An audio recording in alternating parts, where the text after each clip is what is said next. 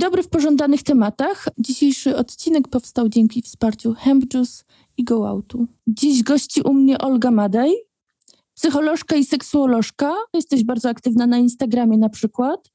I od razu, Olgo, chciałam Cię zapytać o rzecz, która e, zainteresowała mnie bardzo w naszej pierwszej rozmowie. Wtedy Pamiętam, e, że zaproponowałam ci rozmowę w podcaście i powiedziałaś mi, że twoje pierwsze e, terminy wolne są jakieś bardzo odległe. Pamiętam, że zaproponowałaś daty, które były jakoś dla mnie w ogóle bardzo, bardzo zaskakujące. One tam były za kilka tygodni i mówiłaś, że jesteś bardzo teraz zajęta. Pomyślałam sobie wtedy, że mm, ja i um, w ogóle moi znajomi, z którymi rozmawiam o pandemii, mamy do niej wgląd um, od takiej zewnętrznej, naskórkowej strony. To znaczy, rozmawiamy o tym, co się dzieje w domach, rozmawiamy o tym, co dzieje się w internecie i też to obserwujemy, a ty masz ten dostęp do efektów pandemii od tej najgłębszej e, warstwy, od tej najgłębszej sfery. I chciałam Ciebie zapytać o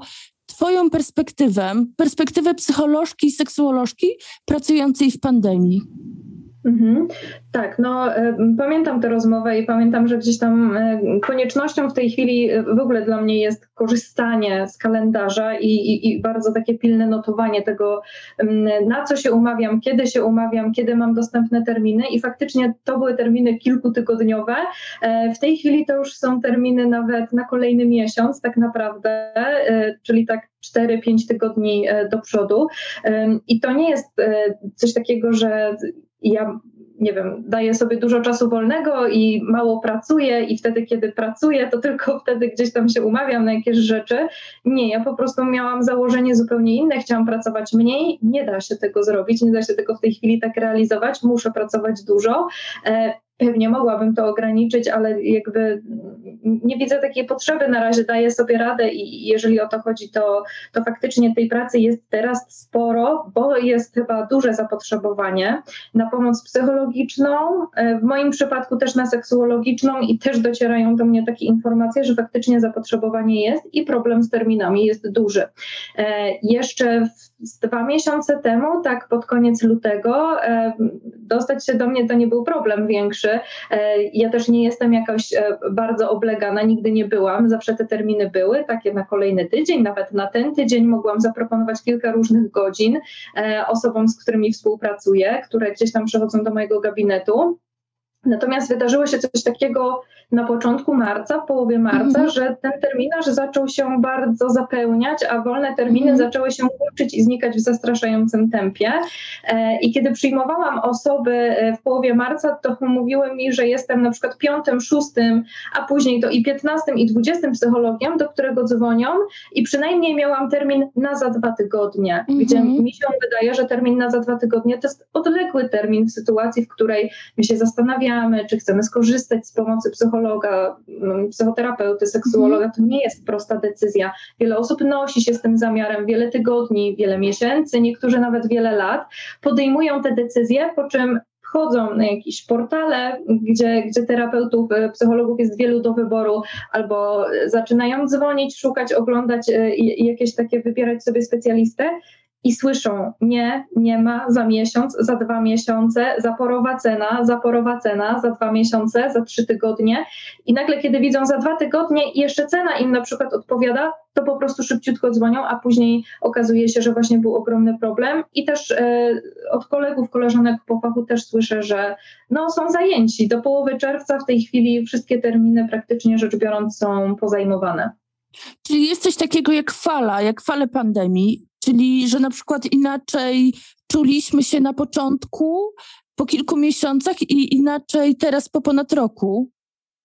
Z całą pewnością. Ja mam takie poczucie, że to, co było w zeszłym roku, w marcu, na samym początku, w kwietniu, w maju, czyli no w tej chwili mamy maj, więc, więc faktycznie minął już ponad rok, odkąd pandemia się rozpoczęła, to były zupełnie inne emocje i zupełnie inny lęk niż ten, z którym mierzymy się w tej chwili, niż ten, z którym mierzyliśmy się na przykład jesienią, w październiku, w listopadzie, ponieważ początkowo tych zachorowań, jak sobie przypomnimy, było naprawdę mało i niewiele. E, każda kolejna osoba, która zaczynała chorować, pierwszy, drugi, dziesiąty, piętnasty przypadek, był dla nas szokujący. E, jeszcze nie było zgonów, później te zgony również się pojawiały w takiej e, skąpej, ale nadal dla, dla bliskich e, trudnej i przytłaczającej ilości, ale nadal jednak liczbowo zgonów było niewiele. Mm, ale był taki, no myślę, było takie pospolite ruszenie i był taki bardzo powszechny strach przed tym, co nieznane, przed tym, że nigdy wcześniej nie mieliśmy do czynienia z taką sytuacją. E, jeżeli e, ktoś z osób nas słuchających, e, nie wiem, pytał na przykład swoich dziadków, swoje babcie, mm, jak, czy kiedyś coś takiego było i jak oni się z tym czują, to mógł uzyskać informację, że pierwszy raz jest coś mm -hmm. takiego i że nigdy wcześniej czegoś takiego nie było. W naszych życiach też to była zupełna nowość. Nie można wejść do sklepu, nie można nigdzie wyjść, nie można się z nikim spotykać. E, pamiętam na początku jeżdżącą policję i straż pożarną, która z megafonów nadawała na ulicę nie wychodź z domu, zostań mhm. e, z rodziną, nie spotykaj się, nie gromadź się. Przerażające po prostu komunikaty, jak z filmów postapokaliptycznych. E, tak naprawdę my mówiliśmy o tym, że to jest COVID, że nie do końca wiadomo o co chodzi, że to taki jakiś rodzaj grypy, ale atmosfera była taka, jakbyśmy mieli jakąś e, apokalipsę związaną z zombie. Po prostu ulice były puste, były wymarte. Kto mm. rano e, jeździł gdzieś samochodem, gdzie zwykle były korki, ulice dużych miast były prawie że puste, zwłaszcza od przechodniów, e, od, e, od pieszych samochodów również było niewiele. E, wizyty w sklepach, najpierw trzeba było czekać e, długo, długo w kolejce, żeby do tego sklepu wejść. Do tak powszechnego marketu, jaki mamy na osiedlu e, czy na wprost domu, wchodziliśmy do tego marketu, gdzie zawsze było wszystko, zawsze wszystko nas atakowało i tylko coraz więcej promocji i puste bułki. Nie było makaronu, nie było ryżu, nawet czegoś takiego jak kasza gryczana palona, której normalnie nikt nie je, nikt nie kupuje, bo nikt tego nie lubi na przykład, albo nie jest to jakieś takie bardzo popularne, znikała po prostu z tych półek. I to było coś przerażającego, bo to było coś nowego. Nie do końca wiedzieliśmy, jak się zachować. Natomiast później Trochę zaczęliśmy się oswajać z tą sytuacją, też już nasze zmęczenie tą pandemią, która nie jest aż taka, aż, y, aż tak nas nie dotyczy, aż tak nas nie doświadcza, nikt z nas nie znał e, osób e, albo niewielu z nas kojarzyło, kto byłby chory na COVID. Na ogół to były osoby, które z tego wychodziły, nic złego się nie działo. E, później wybory, słynne obietnice mm. premiera, że pandemia już jest w odwrocie, że ze spokojem możemy iść na wybory, że nic się nie stanie, wiece wyborcze, spotkania w dużym gronie osób. Także my też też się poczuliśmy wtedy swobodnie. I potem przyszła jesień, kiedy się okazało, że praktycznie rzecz biorąc już każdy z nas znał e, kogoś, kto covid ma, mhm. miał, przechodzi, e, kto miał kwarantannę lub izolację ze względu na kontakt z kimś, kto zakaził się koronawirusem. E, I już też znaliśmy w bliższej lub dalszej swoim otoczeniu historię osób, które po prostu zmarły w wyniku chorób współistniejących albo w wyniku zakażenia koronawirusem. I wtedy zagrożenie stało się realne, bo tych zachorowań już nie było 100 czy 200 dziennie, ale to już były dziesiątki tysięcy, 17, 20 tysięcy to były te, te górki, jeżeli chodzi o tę falę jesienną. Um, ale dalej, byliśmy już troszeczkę zmęczeni, już tęskniliśmy za tym, że latem było już fajnie nie do końca wiedzieliśmy o co chodzi, też nasilały się te takie ruchy społeczne, które mówiły, że nie ma żadnej pandemii, że nic takiego, że to jest zwykła grypa. Też temat szczepionek zaczął się pojawiać, że one za chwilkę będą, że zaraz się pojawią. No i przyszedł nowy rok, przyszły szczepionki, więc to był temat, który nas wszystkich rozgrzał do czerwoności, czy się szczepić, czym się szczepić, skutki uboczne, jak są te szczepionki produkowane, jakie będą skutki długofalowe stosowania tych szczepionek, że ich nie ma, że e, mogą się szczepić niektórzy, wybrani, grupa zero, Później się okazało, że jacyś aktorzy zostali zaszczepieni, co wzbudziło e, gdzieś tam bardzo duże niezadowolenie społeczne. I potem przyszła trzecia fala, która była chyba najbardziej liczna i najbardziej tragiczna w swoich skutkach, której e, gdzieś tam pokłosie do dzisiaj odczuwamy. Ale też nadal to już jest zmęczenie tą sytuacją. W tej chwili wycofują się kolejne obostrzenia. Także myślę, że tak naprawdę możemy prześledzić to, co się działo od dużego lęku przed tym, co nieznane, obce, i tak naprawdę coś, co nas nie dotyczy, co jest troszeczkę egzotyczne, jakiś wirus z Chin, mm. do czegoś, co dotknęło każdego z nas w mniejszym lub większym stopniu, co oswoiliśmy mniej lub bardziej i co nas już strasznie męczy, strasznie wkurza i strasznie tęsknimy za tym, e, za tym, co było dla nas ważne. Dla każdej osoby to jest coś innego. Mhm. 39% respondentów w wieku pomiędzy 18 a 29 rokiem życia, czyli, czyli ta najmłodsza grupa, e, zauważyła, że w czasie pandemii zwiększyły się u nich odczucia przewlekłego zmęczenia, jakiegoś e, osłabienia, senności, trudności z koncentracją uwagi. Także to jest bardzo dużo, bo to jest e, niemalże 40%.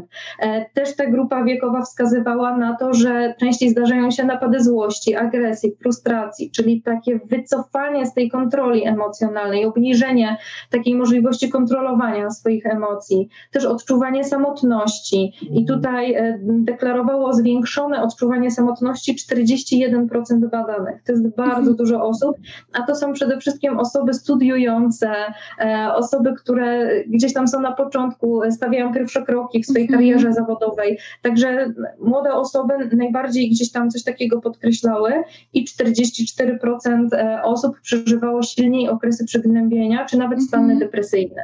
E, Z czego one wynikały, również u każdej osoby to może być coś innego, ale myślę, że właśnie takie wycofanie się, zamknięcie w domach, brak dostępu do kontaktu z innymi ludźmi, e, strach, niepokój, to wszystko gdzieś tam mogło jakby być takim czynnikiem zapalnym dla wystąpienia objawów e, na przykład choroby afektywnej, takiej jak, jak depresja. Ja mam na przykład takie poczucie, że w ogóle mm, gdzieś tam e, dzieje się coś takiego, że my, e, być może niektórzy bardzo chcieli odkrywać tę swoją seksualność w czasie pandemii i, i byli Mhm. na to gotowi, bo też takie informacje i też jakby takie rzeczy jakby z takiego mojego kawałka praktycznego, gabinetowego Mhm. się pojawiały, że dobra, teraz jesteśmy w domu, teraz wreszcie mamy czas na Mhm. seks, mamy czas na siebie, no to zaczniemy to robić, ale się okazuje jakoś nie idzie na przykład, albo Mhm. chcieliśmy zadbać o tę sferę, ale nie wiemy jak.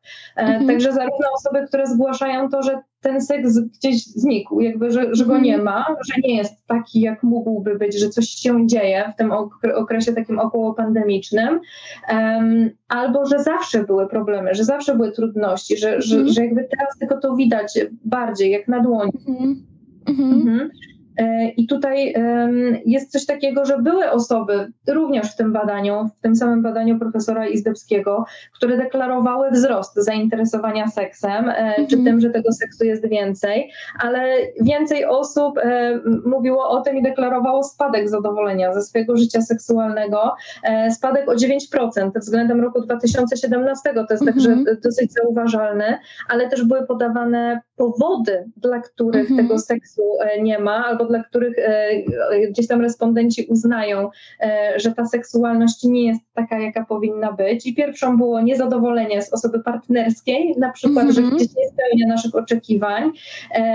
Też taki, taki rodzaj niezadowolenia ze, z własnego ciała, z własnej cielesności, ale też z Mhm. własnej prezencji, czyli tutaj te dresy, nieumyte włosy stereotypowe i, i tak dalej, ale też obecność dzieci lub innych osób w domu, bo nie Mhm. zapominajmy, że jednak w przypadku osób, które albo mają dzieci, albo mieszkają e, z rodzicami, czy, czy gdzieś tam ze współlokatorami, wszyscy siedzą na chacie, na tym samym kwadracie i podsłuchują na przykład, Mhm. albo tam pojawia się jakaś e, krępacja, czy, czy, czy poczucie dyskomfortu mm, Mhm. i, i to zbliżenie nie jest tak satysfakcjonujące, albo w ogóle do niego nie dochodzi. Też były podawane takie powody jak zmęczenie, stres narastający, lęk, niepokój, gdzieś tam takie e, dodatkowe w tle indywidualne jakby przyczyny Mhm. tego, że, że ta seksualność gdzieś tam nie jest taka, jaka by być mogła, albo taka, jakby się oczekiwało. Do 11% zwiększył się odsetek osób niezadowolonych ze swojego zdrowia i życia seksualnego. I to zdrowie myślę, że też jest istotne, czyli jakieś dolegliwości bólowe, e, Mhm. może jakieś takie dysfunkcje seksualne, typu jakieś takie trudności z utrzymaniem erekcji, przedwczesny e, orgazm, albo brak orgazmu, albo Mhm. opóźniony ten orgazm. Myślę, że, że jakaś pochwica, dyspareunia, e, czy, czy tego typu wątki też się mogły pojawiać, czy mogły być bardziej zaobserwowane, czyli dobra, wreszcie mamy czas, zacznijmy to robić, ale nie możemy, jakby ze Mhm. względów takich dysfunkcyjnych, co się dzieje, Mhm. co jest nie tak i wtedy też e, kierowanie się do jakiegoś specjalisty być może, Mhm. jak się tu skierować, jak wszyscy są online i co tu zrobić. Mhm. E, i jak o tym rozmawiać. I też osoby, które zakończyły swoją relację, na przykład w okresie pandemii w zeszłym roku na wiosnę, a teraz chciały na przykład na jesień zacząć nową relację. I teraz Mhm. z tej nowej relacji, jak się spotkać, jak ten seks, kiedy się nie można Mhm. spotykać i kiedy już się Tak. widzimy, to do tego seksu miałoby za każdym razem dochodzić. No ale jak tutaj to wszystko pogodzić? Także myślę, że bardzo dużo, bardzo różnych wątków też się nam tutaj może przeplatać i, i Mhm. plątać. W ogóle też jestem bardzo ciekawa, na przykład jak na seks wpływają takie pierwsze randki, na których jesteśmy w maseczkach, więc w jakiś sposób e, zakryci. Czyli się nie widzimy tak naprawdę. Tak, dokładnie. Nie widzimy swojej mimiki. Ja myślę, że na seks, ale jak wpływa to na tworzenie relacji, na rozpoczynanie takiej relacji, em, czy to ściągnięcie maseczki to nie jest taki moment e, przełomowy, jak kiedyś Mhm. ściągnięcie bielizny być może, nie? Mhm. Czyli możesz mnie zobaczyć w pełnej Mhm. krasie, ale też takie ufam ci, ufam, że mnie nie zarazisz, ufam, że mnie nie zakazisz i, i to też jest taki wątek, e, no myślę dosyć ciekawy, e, który też się może pojawiać, że na przykład są osoby, które e, gdzieś tam bardzo się troszczą o swoje zdrowie, bezpieczeństwo, e, o swoich bliskich i, i bardzo pilnują tych wszystkich em, środków bezpieczeństwa, maseczki, żele antybakteryjne i kiedy spotykają kogoś, kto gdzieś tam opowiada im, ale pandemii nie ma, w ogóle to są jakieś chipy Mhm. w tych szczepionkach, Mhm. nic takiego się nie dzieje. W ogóle nie wiem, ściągnij ten kaganiec i coś takiego i tu się okazuje nagle, że no nie dogadamy się, jakby Mhm. nie mamy punktów wspólnych. E, i następuje być może weryfikacja też osób partnerskich pod kątem czegoś takiego, że no nie chcę być osobą, która nie dba o moje zdrowie i moje bezpieczeństwo w takim rozumieniu. Wiemy sporo o rozwodach i rozpadach relacji i takich nowych formach problemów z bliskością, ale czy jest tak, że jakiemuś procentowi osób relacje się zacieśniły, czy wręcz nawet pandemia spowodowała, że się w jakiś sposób poprawiły? No, wedle tych badań tak, jak najbardziej. Tutaj na przykład w tych badaniach e, okazuje się, że 22% ankietowanych wskazało, że ich związek podczas pandemii się wzmocnił, a 66% że nic się nie zmieniło w ich Mhm, to relacji. Że całkiem sporo.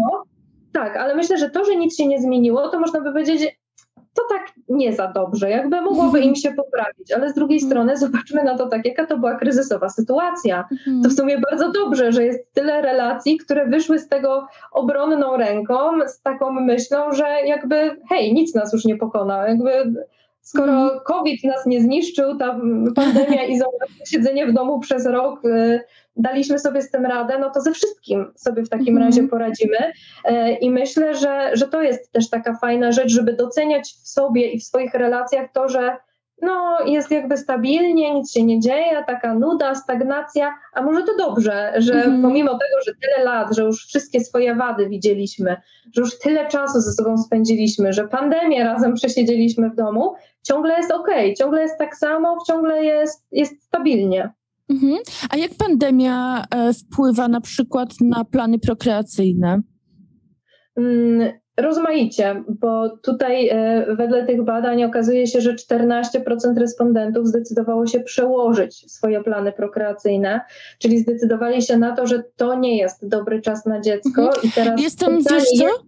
Mhm, Też e, się zastanawiam, jaki związek miała e, z tym sytuacja polityczna. Tak, tylko pamiętajmy, że to są badania marzec, kwiecień, maj, czyli to Okej. jest jeszcze przed wyrokiem Przed. Trybunału. Mhm.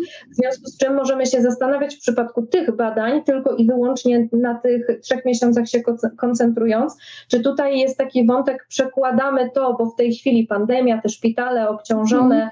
I co będę rodzić w maseczce, a co jeżeli osobno te e, samotne porody, to przecież Mhm. były też em, były zbierane podpisy, były petycje, żeby umożliwić powrót tych porodów rodzinnych dużo obaw, dużo niepokoju z tym związanych, czy może przekładam w ogóle plany prokreacyjne na dalej. Nie chodzi o to, że u, teraz w pandemii nie chcę mieć dziecka, tylko czy ja chcę sprowadzać dziecko na świat, w którym takie choroby, takie pandemie się pojawiają, w którym Tak. tak, naprawdę rzeczywistość, w której żyjemy, okazuje się być tak niestabilna i tak nieprzewidywalna. Myślę, Mhm. że gdybyśmy w tej chwili zrobiły sobie takie badania i, i gdzieś tam uwzględniały strajk kobiet, wyrok Trybunału Konstytucyjnego, e, tematy, które się później pojawiły, kiedy były billboardy antyaborcyjne Mhm, i cała mhm. dyskusja na temat tego, na co idą pieniądze z różnego Mhm. rodzaju fundacji i z jakimi problemami i trudnościami mierzą się na co dzień rodziny Mhm. dzieci z niepełnosprawnością, no to myślę, że tutaj uwzględniając taką zmienną, no te wyniki mogłyby być e, jeszcze, jeszcze bardziej mm, podkręcone pod kątem, e, pod Mhm. kątem rezygnacji z pewnych planów prokreacyjnych. A jeżeli na przykład przełożyć te dane na mapę Polski, to czy jest coś takiego jak e, jakaś tendencja według e, różnych e, na przykład województw albo różnych miast?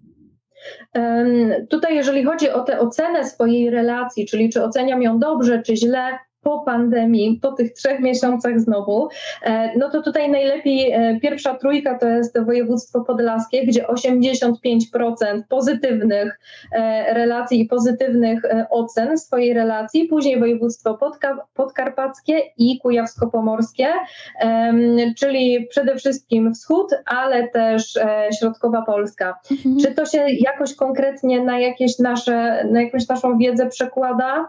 Trudno powiedzieć, to jest losowe. E, czy, czy tutaj jakaś konkretna zmienna była brana pod uwagę, czy może po prostu ilość respondentów z, da, z danego województwa zadecydowała, bo z tamtych województw Mhm. być może respondentów było ciut mniej. Trudno powiedzieć, tutaj do, dodatkowych dane, danych na temat metodologii nie mam, e, no ale myślę, że to taka ciekawostka, że podlaskie Mhm. tam Mhm. najlepiej e, związki, najwięcej związków przetrwało i najbardziej zadowolone są osoby pozostające w relacjach w województwie podlaskim. Czy przez pandemię jest też trochę tak, że część naszej sfery seksualnej przeniosła się do internetu? Hmm. Myślę, że na pewno e, w sytuacji, w której związek funkcjonował na odległość, na przykład, Mhm. albo funkcjonował w taki sposób, że osoby w relacji nie mieszkają ze sobą e, i nie mogły się widywać na Mhm. początku, dlatego że po prostu no nie można było za bardzo wychodzić w ogóle z Mhm. domów, albo to było gdzieś tam skomplikowane, e, a być może z różnych względów związanych z lękami, z obawami dotyczącymi zdrowia, życia swojego i, i najbliższych, no to tak naprawdę myślę, że w ogóle życie seksualne, ale nie tylko życie seksualne, cała czułość i bliskość troszeczkę przeniosła się do internetu, ale też myślę w tym kontekście o takiej bliskości i o takich relacjach nawet nieromantycznych, nieseksualnych. Czyli o tym, jak przeniosły się relacje najmłodszych, czyli uczniów i uczennic do internetu, Mhm. którzy tak naprawdę za chwilę mają wrócić do szkoły, spotkać się z kolegami, z koleżankami z klasy pierwszy raz od, no niektórzy od października, o ile się nie mylę. E, I słyszę w gabinecie, ale nie tylko w gabinecie, widzę na forach, widzę informacje, że młodzież i dzieci nie chcą tego, oni się tego boją. Niektórzy Mhm. mówią o tym e, głośno, że mm, nie mają ochoty na kontakty z innymi ludźmi, że, że podoba im się to, to, to kształcenie zdalne, bo już się odzwyczaili na przykład od Mhm. kontaktu z innymi. Albo e, bardzo się z tego cieszą, bo źle funkcjonowali, źle się czuli w swoim zespole klasowym. Em, Albo nie widzą takiej potrzeby, gdzieś tam i tak jak chcemy, też te, takie wypowiedzi słyszę, no że przecież w czym problem? Jak chcę, to wyciągam Messengera, czy Fejsika, czy coś tam, e, napiszę i mam odpowiedź i jesteśmy w kontakcie. Ja nie muszę dzwonić, albo dzwonię, albo na przykład mamy jakiegoś kola, czy widzimy się na lekcji na kamerkach. Ja nie muszę się widzieć z tą osobą, żeby mieć z nią relację. No więc tutaj pojawia się taki znak zapytania, czy relacja tylko internetowa, opierająca się tylko na takim kontakcie poprzez e, pośrednika w postaci telefonu, e, wideo, jakiegoś audio, czy to jest dalej relacja? Jest prawdopodobnie, Mhm. tylko czy, czy ona jest tak samo wartościowa, czy ona wnosi to samo w nasze Mhm. życie, co relacja, em, czy w nasz rozwój, czy w rozwój dziecka tak naprawdę, Mhm. co relacja twarzą w twarz, obserwacja mimiki, postawy, postury, tonu, Mhm. A powiedz, jak wpływa pandemia na nasze życie seksualne? To znaczy, bo wydawać by się mogło, że nie ma tak naprawdę nic równie seksownego, jak myśl, że jesteś zamknięta pod jednym dachem ze swoim partnerem. No właśnie.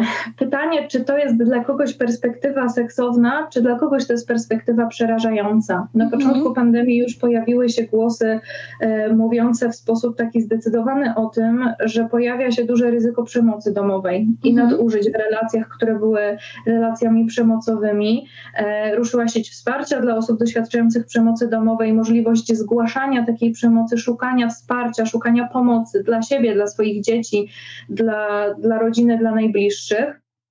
Natomiast też docierały do nas informacje mówiące o tym, że dużo relacji, dużo związków się rozpadło. E, profesor Zbigniew Izdebski przeprowadził takie badania e, gdzieś tam przy, przy wsparciu Polfarmy e, i to były badania, które sprawdzały ten okres marzec, kwiecień, maj, czyli tak Mhm. naprawdę zeszły rok, sam początek pandemii, ale też ten intensywny lockdown. Mam wrażenie, że najbardziej intensywny z tych wszystkich, które później również następowały i w tych badaniach okazało się, że 5% respondentów i respondentek w czasie pandemii pierwszy raz pomyślało w ogóle o rozwodzie. To jest Mhm. bardzo dużo, e, że w ogóle takie, takie myśli zaczęły się pojawiać i tutaj przyczyną były właśnie lockdowny tych, tych myśli. Mhm. To, że, że trzeba siedzieć w jednym domu z tą osobą, poznajemy się, razem pracujemy, razem jemy, Mhm. śpimy, przebywamy, spędzamy cały czas wolny i okazuje się, że to nie do końca jest to, czego potrzebujemy. Myślisz, że to jest taki moment na przykład, kiedy dopiero kogoś tak naprawdę poznajemy? Bo pamiętam, jak moja koleżanka powiedziała mi, że- że była z kimś od kilku lat i dopiero miała poczucie, że widzi kogoś po raz pierwszy i że to kompletnie nie działa. Myślę, że trochę tak, bo tak naprawdę do tej pory mieliśmy obraz swoich partnerów, partnerek, osób partnerskich taki dosyć rozbity. To znaczy widzieliśmy się tylko w domu, Mhm. e, jeżeli razem mieszkaliśmy, albo w takich sytuacjach no, naszych, jeden na jeden, Mhm. kiedy gdzieś tam robimy rzeczy, które zawsze robimy razem. Natomiast teraz okazało się, że na przykład łączymy w tej jednej relacji to, że to jest mój partner. Na przykład seksualny, to jest też Mhm. ojciec naszych dzieci i tymi dziećmi się zajmuje. E, to jest też pracownik czy współpracownik i widzę, jak zachowuje się w pracy, Mhm. jak traktuje, nie wiem, swoich podwładnych, a jak Mhm. traktuje swoich przełożonych na przykład, a jak swoich współpracowników, w jaki sposób się zachowuje, jak reaguje Mhm. na stres, jak szybko odreagowuje różne rzeczy na mnie, jak się czuje, kiedy jest odcięty od spotkań towarzyskich. E, Także to są wszystko takie rzeczy, które się okazały być nowymi, bo możemy sobie zadać też takie bardzo ważne pytanie, ile czasu do tej pory my spędzaliśmy z Mhm. naszymi partnerami, partnerkami i osobami partnerskimi w ciągu dnia. Czy to była godzina takiego jakościowego, intensywnego przebywania ze sobą, czy to było 24 godziny? Bo no, w zeszłym roku na wiosnę zrobiły się z tego 24 godziny tak naprawdę Mhm. i nie ma gdzie uciec. A zwłaszcza Mhm. jeżeli pomyślimy o tym, ile takich młodych par, młodych związków, świeżych relacji mieszka w takich warunkach kawalerka, dwa pokoje, trzy pokoje, małe mieszkania, Mhm. albo mieszkają e, z rodzicami jednego, jednej z osób, e, no to tak naprawdę okazuje się, że nie ma gdzie uciec. Jeżeli Mhm. mamy kawalerkę, no to jedna osoba może siedzieć zamknięta w łazience, żeby wygarnąć dla siebie trochę prywatności. No długo się tam nie wysiedzi tak naprawdę. Mhm.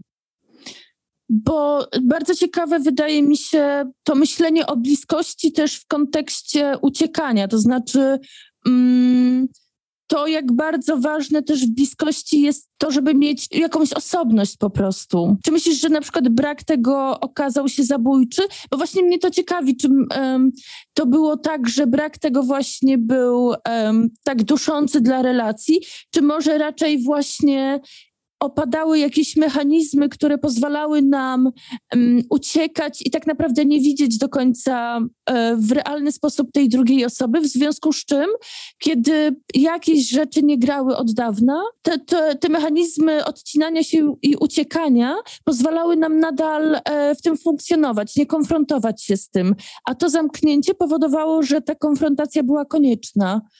Jak sądzisz? E, Ja myślę, że to jest taki złożony bardzo wątek, który, no tak jak mówię, bardzo trudno oceniać um, w tej chwili, e, ale też trudno, e, trudno oceniać na podstawie jakichś jednostkowych sytuacji czy jednostkowych przypadków, bo tyle ile relacji, to tyle powodów, dla Mhm. których te relacje są, trwają, przetrwały, ale też rozpadły się na przykład. Ale mam takie poczucie, że my w ogóle bardzo rzadko w kontekście bycia w relacji, bycia w związku mówimy o potrzebie bycia samotnym, czy nawet osamotnionym w tej relacji, w tym związku, w tym, że mm, to nie jest tak, że my już jesteśmy razem i musimy wszystko robić razem, Mhm. tylko każdy z nas ma swoje indywidualne potrzeby, pragnienia, zainteresowania, pasje swoich własnych znajomych i każdy z nas ma potrzebę, żeby czasem pobyć samo po prostu. Mhm. samotność w związku jest ok? Jest też. Jest jak e, najbardziej okej. mhm. Ja myślę, że jest bardzo potrzebna, jest bardzo ważna, bo w momencie, w którym my się bardzo zlewamy ze swoją osobą partnerską e, i nie ma dla nas świata poza tą osobą partnerską, mamy takie funkcjonowanie silnie symbiotyczne, no to zobaczmy, do jakich trudności to może poprowadzić. Czyli te słynne osoby bluszcze, które oplatają tak ciasno drugą osobę, że nie ma oddechu tak naprawdę, albo osoby, które są bardzo chorobliwie wręcz zazdrosne, bo mhm. tak bardzo boją się, że stracą tę osobę partnerską. I tego typu wszystkie historie, które kojarzymy e, właśnie z takiego, z takiego panicznego strachu przed tym, że zostanę sam, zostanę sama i co wtedy, bo ten partner, ta partnerka jest dla mnie tak ważną osobą, że nie wyobrażam sobie swojego życia bez, bez tej osoby. Mhm. A ważne jest to, że w momencie, w którym ja mam trochę czasu dla siebie, ja mam swoje zainteresowania, ja wychodzę do swojej pracy, nie pracujemy razem, albo pracujemy razem, ale nad czym innym. Mamy, mimo tego, że pracujemy razem nad tym samym, bardzo dużo nas łączy i tak mamy jakiś obszar swój, żeby się zdążyć za sobą stęsknić, odetchnąć od siebie, zobaczyć tę drugą osobę z jakiejś perspektywy, żeby pobyć troszeczkę z innymi ludźmi, żeby nie wiem, zadbać troszeczkę o te inne relacje, które w naszym życiu są. Wiesz, em, tak mm, zastanawiając się nad naszą dzisiejszą rozmową, właśnie nad pandemią, e, z zamknięciem w domu, e, przypomniał mi się tomik wierszy Rupi Kaur, wydany w zeszłym roku, który nazywa się Dom Ciało. On jest. Mm, opowiada o traktowaniu swojego ciała trochę jak swojego domu, o tym, żeby w nim na powrót zamieszkać w swoim ciele, wrócić do niego, ale też o traktowaniu domu jako czegoś organicznego. I mm, interesujące bardzo wydaje mi się to splecenie tych dwóch e, przestrzeni, czyli domu i ciała, które wydaje się jakoś bardzo symptomatyczne dla pandemii. Mhm. Trochę wiesz, rozlewają się te granice i one się trochę mogą zacierać. Tak, no myślę, że tak, zwłaszcza jeżeli zobaczymy na taką organiczność w rozumieniu na przykład naturalności, czyli tego, w jaki sposób my w tym domu e, funkcjonujemy, czyli e, czy my się stroimy, tak jak się Mhm, stroiliśmy, no jeśli właśnie. byliśmy na przykład do pracy, e, czy my się malujemy, czy my robimy sobie fryzurę, e, czy, czy gdzieś tam em, pakujemy się jakoś specjalnie, jak to wygląda, czy cały dzień spędzamy tak naprawdę w jednym i tym samym stroju, czy Mhm. cały dzień spędzamy w piżamie, być może, albo w jakichś wygodnych dresach. E, Jak często patrzymy na siebie w lustrze i jak bardzo to, co widzimy, nam odpowiada albo nie odpowiada. Też myślę, ten wątek, który się pojawia w taki prześmiewczy, i to jest niefajne, w taki prześmiewczy sposób, e, czyli ile to kto przytył w trakcie pandemii, w trakcie lockdownu, że ja z lockdownu e, wychodzę, nie wiem, z umiejętnością e, podstawową, jakąś znajomością języka hiszpańskiego, bo, bo tak spędzałam wolny czas, a ktoś inny mówi, a ja wychodzę z 10 kilogramami nadwagi. Jakby to jest zawstydzanie nas znowu po raz kolejny naszymi ciałami. To jest straszny body shaming, tak i tłumaczące nam, że a w lęku ktoś się objadł i teraz przytył i teraz jego zadaniem, jak wszystko wróci do normy, to całe szczęście, że otwierają siłownię, bo trzeba iść to zrzucić. No Mhm. nasz tryb życia się bardzo zmienił. No, my siedzimy tak naprawdę Mhm. w jednym miejscu, e, bardzo sporadycznie gdzieś wychodzimy, kręcimy się, spotykamy się z innymi. W związku z tym cała ta ilość ruchu, którą do tej pory mieliśmy, praktycznie rzecz biorąc zniknęła. Stąd e, zmiana naszych sylwetek. Troszeczkę zmieniło się jedzenie, które jemy. E, niektórzy robili zapasy, teraz je wyjadają. Troszeczkę inaczej gospodarujemy też naszymi pieniędzmi, naszymi finansami i też być może to bierzemy pod uwagę. E, no, tutaj różne rzeczy się, e, się wydarzyły i to, co się dzieje w naszych domach, to jest właśnie przeniesienie całego życia, które do tej pory się toczyło też poza domami, do środku, do domu, a Mhm. dom jest tą najbardziej intymną częścią w każdym z nas, do Mhm. naszych pokoi albo do domów właśnie i my się tam mamy czuć swobodnie, dobrze, komfortowo, e, też ze swoim ciałem I, i to myślę, że faktycznie jest taki wątek tej organiczności, naturalności, Mhm. e, to wszystko się tak fajnie splata i, i domyka. I w ogóle ta tendencja em, zawracania do wnętrza, wracania jakoś do wnętrza, do intymności, o której powiedziałaś w kontekście też mieszkań i domów, mm, też wydaje mi się trochę analogiczna bo czy na przykład uważasz, że jest teraz jakaś większa tendencja do wracania do swojej intymności wnętrza w sensie zdrowia psychicznego, zastanawiania się właśnie nad tym, jak się czujemy, e, zastanawiania się nad emocjami? Chociażby właśnie o tym, co mówisz, że e, terapeutom, psychoterapeutom brakuje terminów, nie mogą znaleźć wolnych terminów, bo jest takie zapotrzebowanie na ich praktykę. Mhm. No właśnie tak naprawdę tutaj zastanawiające jest troszeczkę to, jaki jest ten powód, jaka jest tego przyczyna co takiego się dzieje? Czy to, że ci terapeuci stali się bardziej dostępni, bo mamy ich po prostu w komputerze i, i wielu z nich y, pracuje i przyjmuje pacjentów i klientów e, online na przykład i, i, nie trzeba jechać na drugi koniec miasta albo w ogóle jechać do innego miasta, czy w ogóle do miasta, przemieszczać się. Także e, myślę, że dostępność dla osób e, wykluczonych komunikacyjnie, dla osób z niepełnosprawnościami, e, dla osób mających małe dzieci, gdzie tak naprawdę skorzystanie z tej pomocy psychoterapeuty byłoby trudne, trudne, ale też dla osób, które długo się wahały i teraz stwierdziły, że wykorzystują ten moment, to jest dobry moment.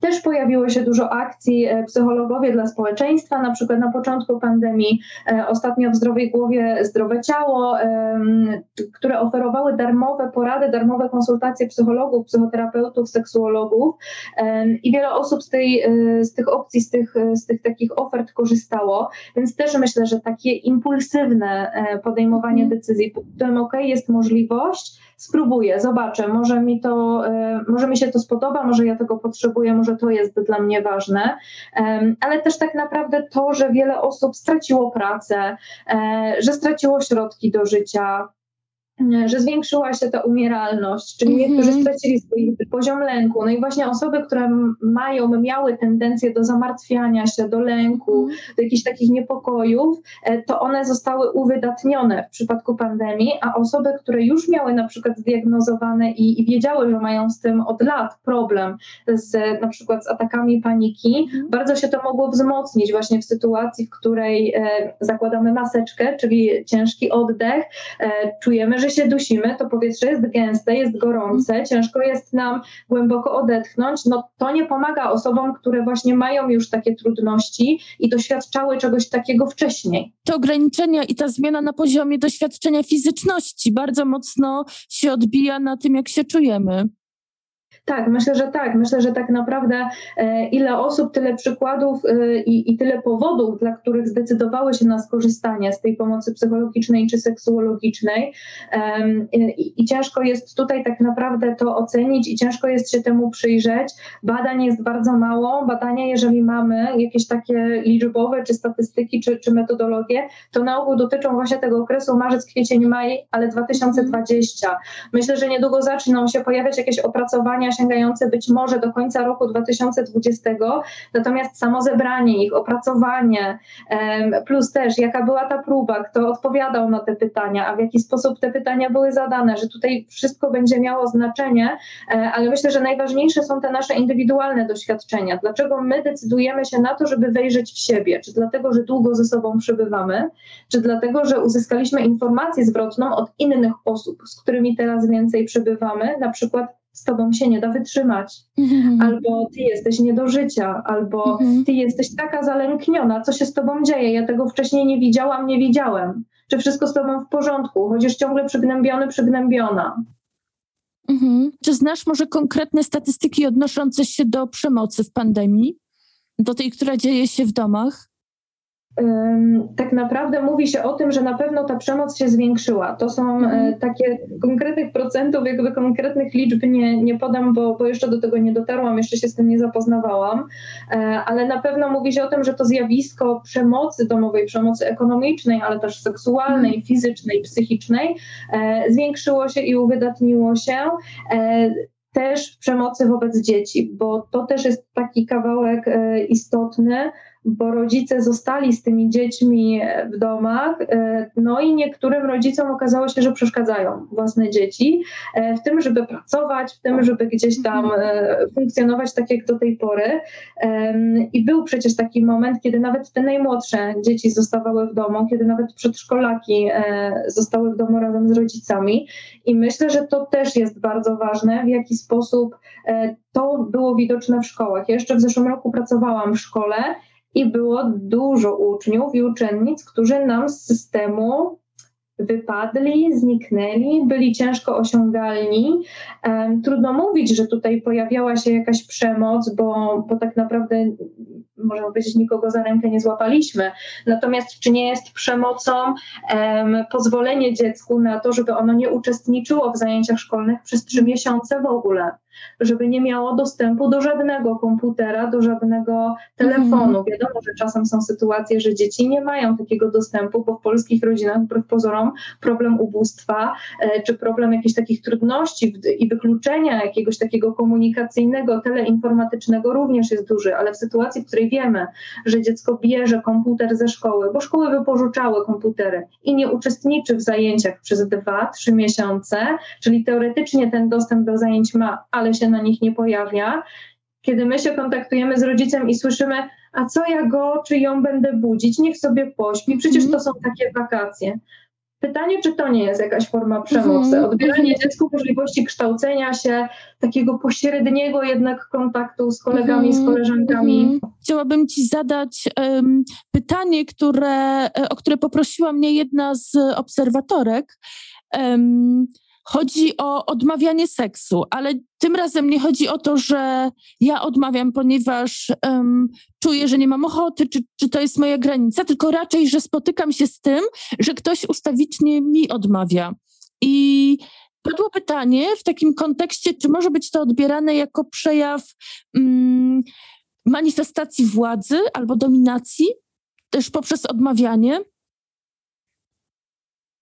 Mm, nie chciałabym tutaj stawiać jakichś takich e, konkretnych rozwiązań czy, czy diagnoz, bo przyczyn może być bardzo dużo i, i tak jak mówię, w psychologii i w seksuologii zawsze najlepszą odpowiedzią jest to zależy.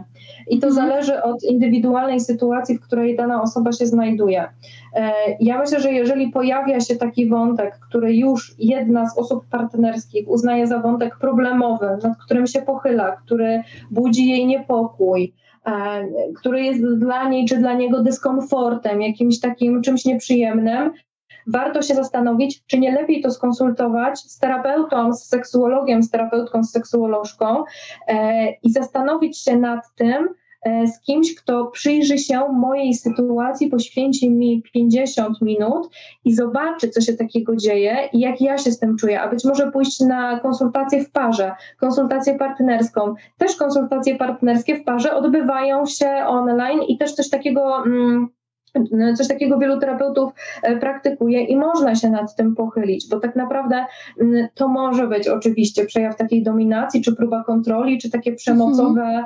E, pozwolę ci na seks wtedy, kiedy na niego zasłużysz. Mhm. Ale równie dobrze to może być jakiś rodzaj um, lęków, niepokoi, mhm. czegoś takiego trudnego, co się w świecie wewnętrznym tej drugiej osoby dzieje, jakieś zmęczenie, a może rozpoczyna się jakiś epizod depresyjny, który mhm. gdzieś tam jest spowodowany pandemią, lockdownem, tym wszystkim, a my tego nie zauważyliśmy i ta osoba sama też tego na przykład nie zauważa, bo to nie jest dla niej bardzo dotkliwe, tylko gdzieś tam przejawia się to pod kątem tej seksualności i tam znajduje mm. to mhm. swoje odbicie. Po prostu jest tak, i to też jest taka ważna rzecz do powiedzenia, myślę, że seksualność jest papierkiem lakmusowym tego, co się dzieje w naszym życiu, naszych relacji, e, naszych, naszej osobowości, tego, jak my sobie radzimy z trudnościami, jaką my mamy relację ze swoim ciałem, jak my sobie radzimy ze stresem, jak my funkcjonujemy. E, no bo to jest troszeczkę tak, że są osoby, które e, lubią uprawiać seks wtedy, kiedy się pokłócą, na zgodę na przykład, mhm. albo wtedy, kiedy są zestresowane, żeby gdzieś tam e, spuścić z siebie tego napięcia w seksualności na przykład. Ale są takie osoby, które po kłótni, po jakimś trudnym dniu, gdy są zmęczone, gdy są chore, absolutnie nie ma mowy o tym, żeby jakakolwiek seksualność się pojawiła i ta seksualność nie będzie się pojawiać, jeżeli w naszej relacji coś jest nie tak, jeżeli u mnie gdzieś w moim życiu, w moim doświadczeniu coś jest nie tak, jeżeli ja ciągle mam jakieś zmartwienia na głowie, jeżeli stresuję się bardzo silnie pracą, nad tym się należy pochylić i takim wątkom będzie się przyglądał e, seksuolog. Na pewno w momencie, w którym wnosi się, że brakuje mi seksu w moim związku. Czyli może być tak, że seks jest tą pierwszą przestrzenią, na której będą jakieś objawy. Bardzo często tak jest. Bardzo często tak jest, bo to też jest takie pytanie, które kiedyś dostałam. Czy częściej przychodzą osoby z problemem seksuologicznym, czy częściej przychodzą osoby z problemem na zasadzie psychologicznym? A ja mhm. powiedziałam, że ci, którzy przychodzą z problemem psychologicznym, często po jakimś czasie wnoszą ten seksuologiczny, mhm. który czasem jest bardzo ważny albo wręcz kluczowy czasem gdzieś przewija się w tle i bardzo mocno wpływa na to samopoczucie, a osoby, które przychodzą z wątkiem seksuologicznym, czasem to jest e, najważniejszy wątek i jedyny i, i on jakby wystarcza, a czasem jest tak, że tam w tle jest dużo różnych takich psychologicznych czy, czy do pracy terapeutycznej wątków. Także no to, to jest takie przewrotne właśnie mm -hmm. I, I, seksualność jest bardzo mocno związana e, z naszymi takimi, e, no z naszą osobowością, z tym jak my sobie radzimy, z naszym ciałem. To jest pod potrzeba jednak taka biologiczna, taka jak picie, mm jak mhm. jedzenie, jak sen i, i w momencie, w którym u nas gdzieś wewnętrznie coś nie gra, no to gdzieś tam to widać. Tak samo jak mówimy na przykład o zaburzeniach odżywiania, e, to mhm. też często na nie przekłada się stres, napięcie, sytuacja rodzinna, też będzie widoczne w jakichś e, różnego rodzaju zaburzeniach odżywiania i często mhm. nad tym e, tematem pochylają się terapeuci pracujący z osobami doświadczającymi takich trudności. A w kogo najbardziej uderza pandemia? Myślę, że dopiero będziemy to wiedzieć za parę, może za paręnaście mhm. lat, kiedy będziemy w stanie spojrzeć na te wszystkie doświadczenia, na te wszystkie miesiące z perspektywy czasu, bo z jednej strony moglibyśmy powiedzieć, że w seniorów albo w mhm. osoby z chorobami towarzyszącymi czy chorujące przewlekle, e, które bardzo mocno musiały się izolować albo chciały się izolować, były odcięte od swoich rodzin, e, osoby, które też e, zrezygnowały z różnych badań profilaktycznych, obawiając się zakażenia wirusem i na przykład zaczęły chorować, czy, czy gdzieś tam nie zadbały o swoje zdrowie ze względu na strach przed COVID-em.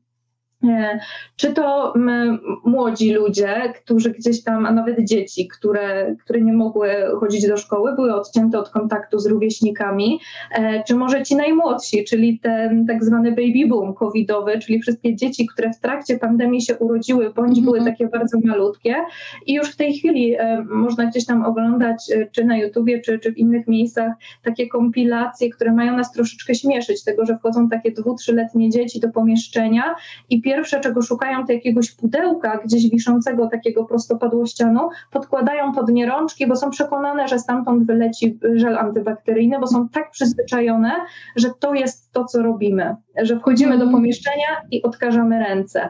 Albo małe dzieci, które e, zaczynają e, płakać, krzyczeć, dziwić się, kiedy widzą na dworze ludzi bez maski, albo od nich uciekają, bo wiedzą, że na dworze trzeba mieć maskę, albo w jakimś mhm. pomieszczeniu, kiedy kogoś spotykamy, kogo nie znamy, to ta osoba powinna mieć maseczkę. To są skutki, które tak naprawdę są dużym znakiem zapytania i będziemy w stanie je ocenić no dopiero za jakiś czas tak naprawdę. Mhm. Dziękuję Ci bardzo Olgo za rozmowę i za bardzo szczegółowe dane, które przytoczyłaś. Nie ma sprawy, również się cieszę. Cieszę się, że poruszyłyśmy ten temat. Cieszę się, że, e, że w ogóle takie dane są, że powstały, że można z nich korzystać, przyglądać się im mniej lub bardziej krytycznie, stosując e, gdzieś tam w sobie różne interpretacje tego, dlaczego tak jest, a dlaczego nie jest inaczej, a jak było u nas, konfrontować swoje życie, swoją relację z czymś takim.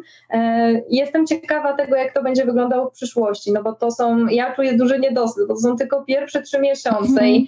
apel gorący do profesora Izdebskiego, jeżeli nas słucha, że prosimy, panie profesorze, wiemy, że pan się zajmuje badaniami Polek i mhm. Polaków i że regularnie takie badania dotyczące ich seksualności, ich bliskości są prowadzone, żeby faktycznie jakieś fajne potężne opracowanie tej seksualności w COVID-zie, tej seksualności w pandemii, tego jak to wyglądało, jak, jak wyrok Trybunału Konstytucyjnego wpłynął na nas, e, głównie na osoby z macicami, ale też, Mhm. e, też myślę, że, że na partnerów, na osoby partnerskie.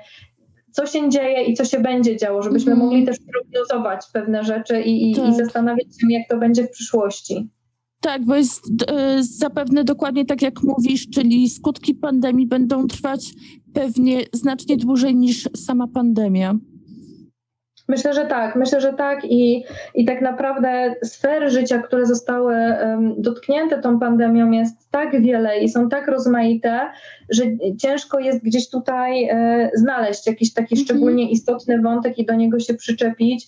Em, ja mam takie poczucie, że my mówimy o bliskości, bo, bo przez to, że byliśmy zamknięci w domach, że dużo się mówiło o izolacji, o kwarantannie, to jest ten język, który dosyć szybko gdzieś tam logicznie przychodzi nam do głowy. Mhm. E, Natomiast myślę, że również takie wątki rozwojowe to dla psychologów dziecięcych na przykład, czy dla pedagogów e, będą istotne. Też jestem ciekawa, jak to będzie wyglądało w polskich szkołach, jak polskie szkoły Mhm. wrócą do tego funkcjonowania stacjonarnego, zwłaszcza z, ze starszymi dzieciakami, z tymi Mhm. starszymi klasami, e, bo już docierają do mnie informacje, które są niepokojące, że Mhm. nauczyciele zapowiedzieli, że ich zadaniem teraz w pierwszym tygodniu będzie sprawdzenie zeszytów kto ma Mhm. ile zaległości, że będą Mhm. oceniane notatki. I uważam, że to jest absolutnie niedopuszczalne, bo Tak, chodzi o to, żeby dzieciaki wróciły do szkoły i Tak. żeby wróciły chętnie. A to się zaraz skończy tak, że został tylko miesiąc, e, poprosi się rodziców, żeby wypisali jakieś zwolnienie czy Mhm. usprawiedliwienie, bo po co wracać do szkoły, żeby nałapać złych ocen. Mhm, mhm.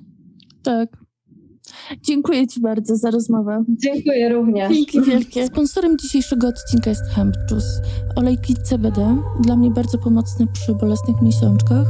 O olejkach CBD mówi się też w kontekście relacji i seksualności i tego, jak ułatwiają wprowadzenie się w lepszy nastrój w sypialni.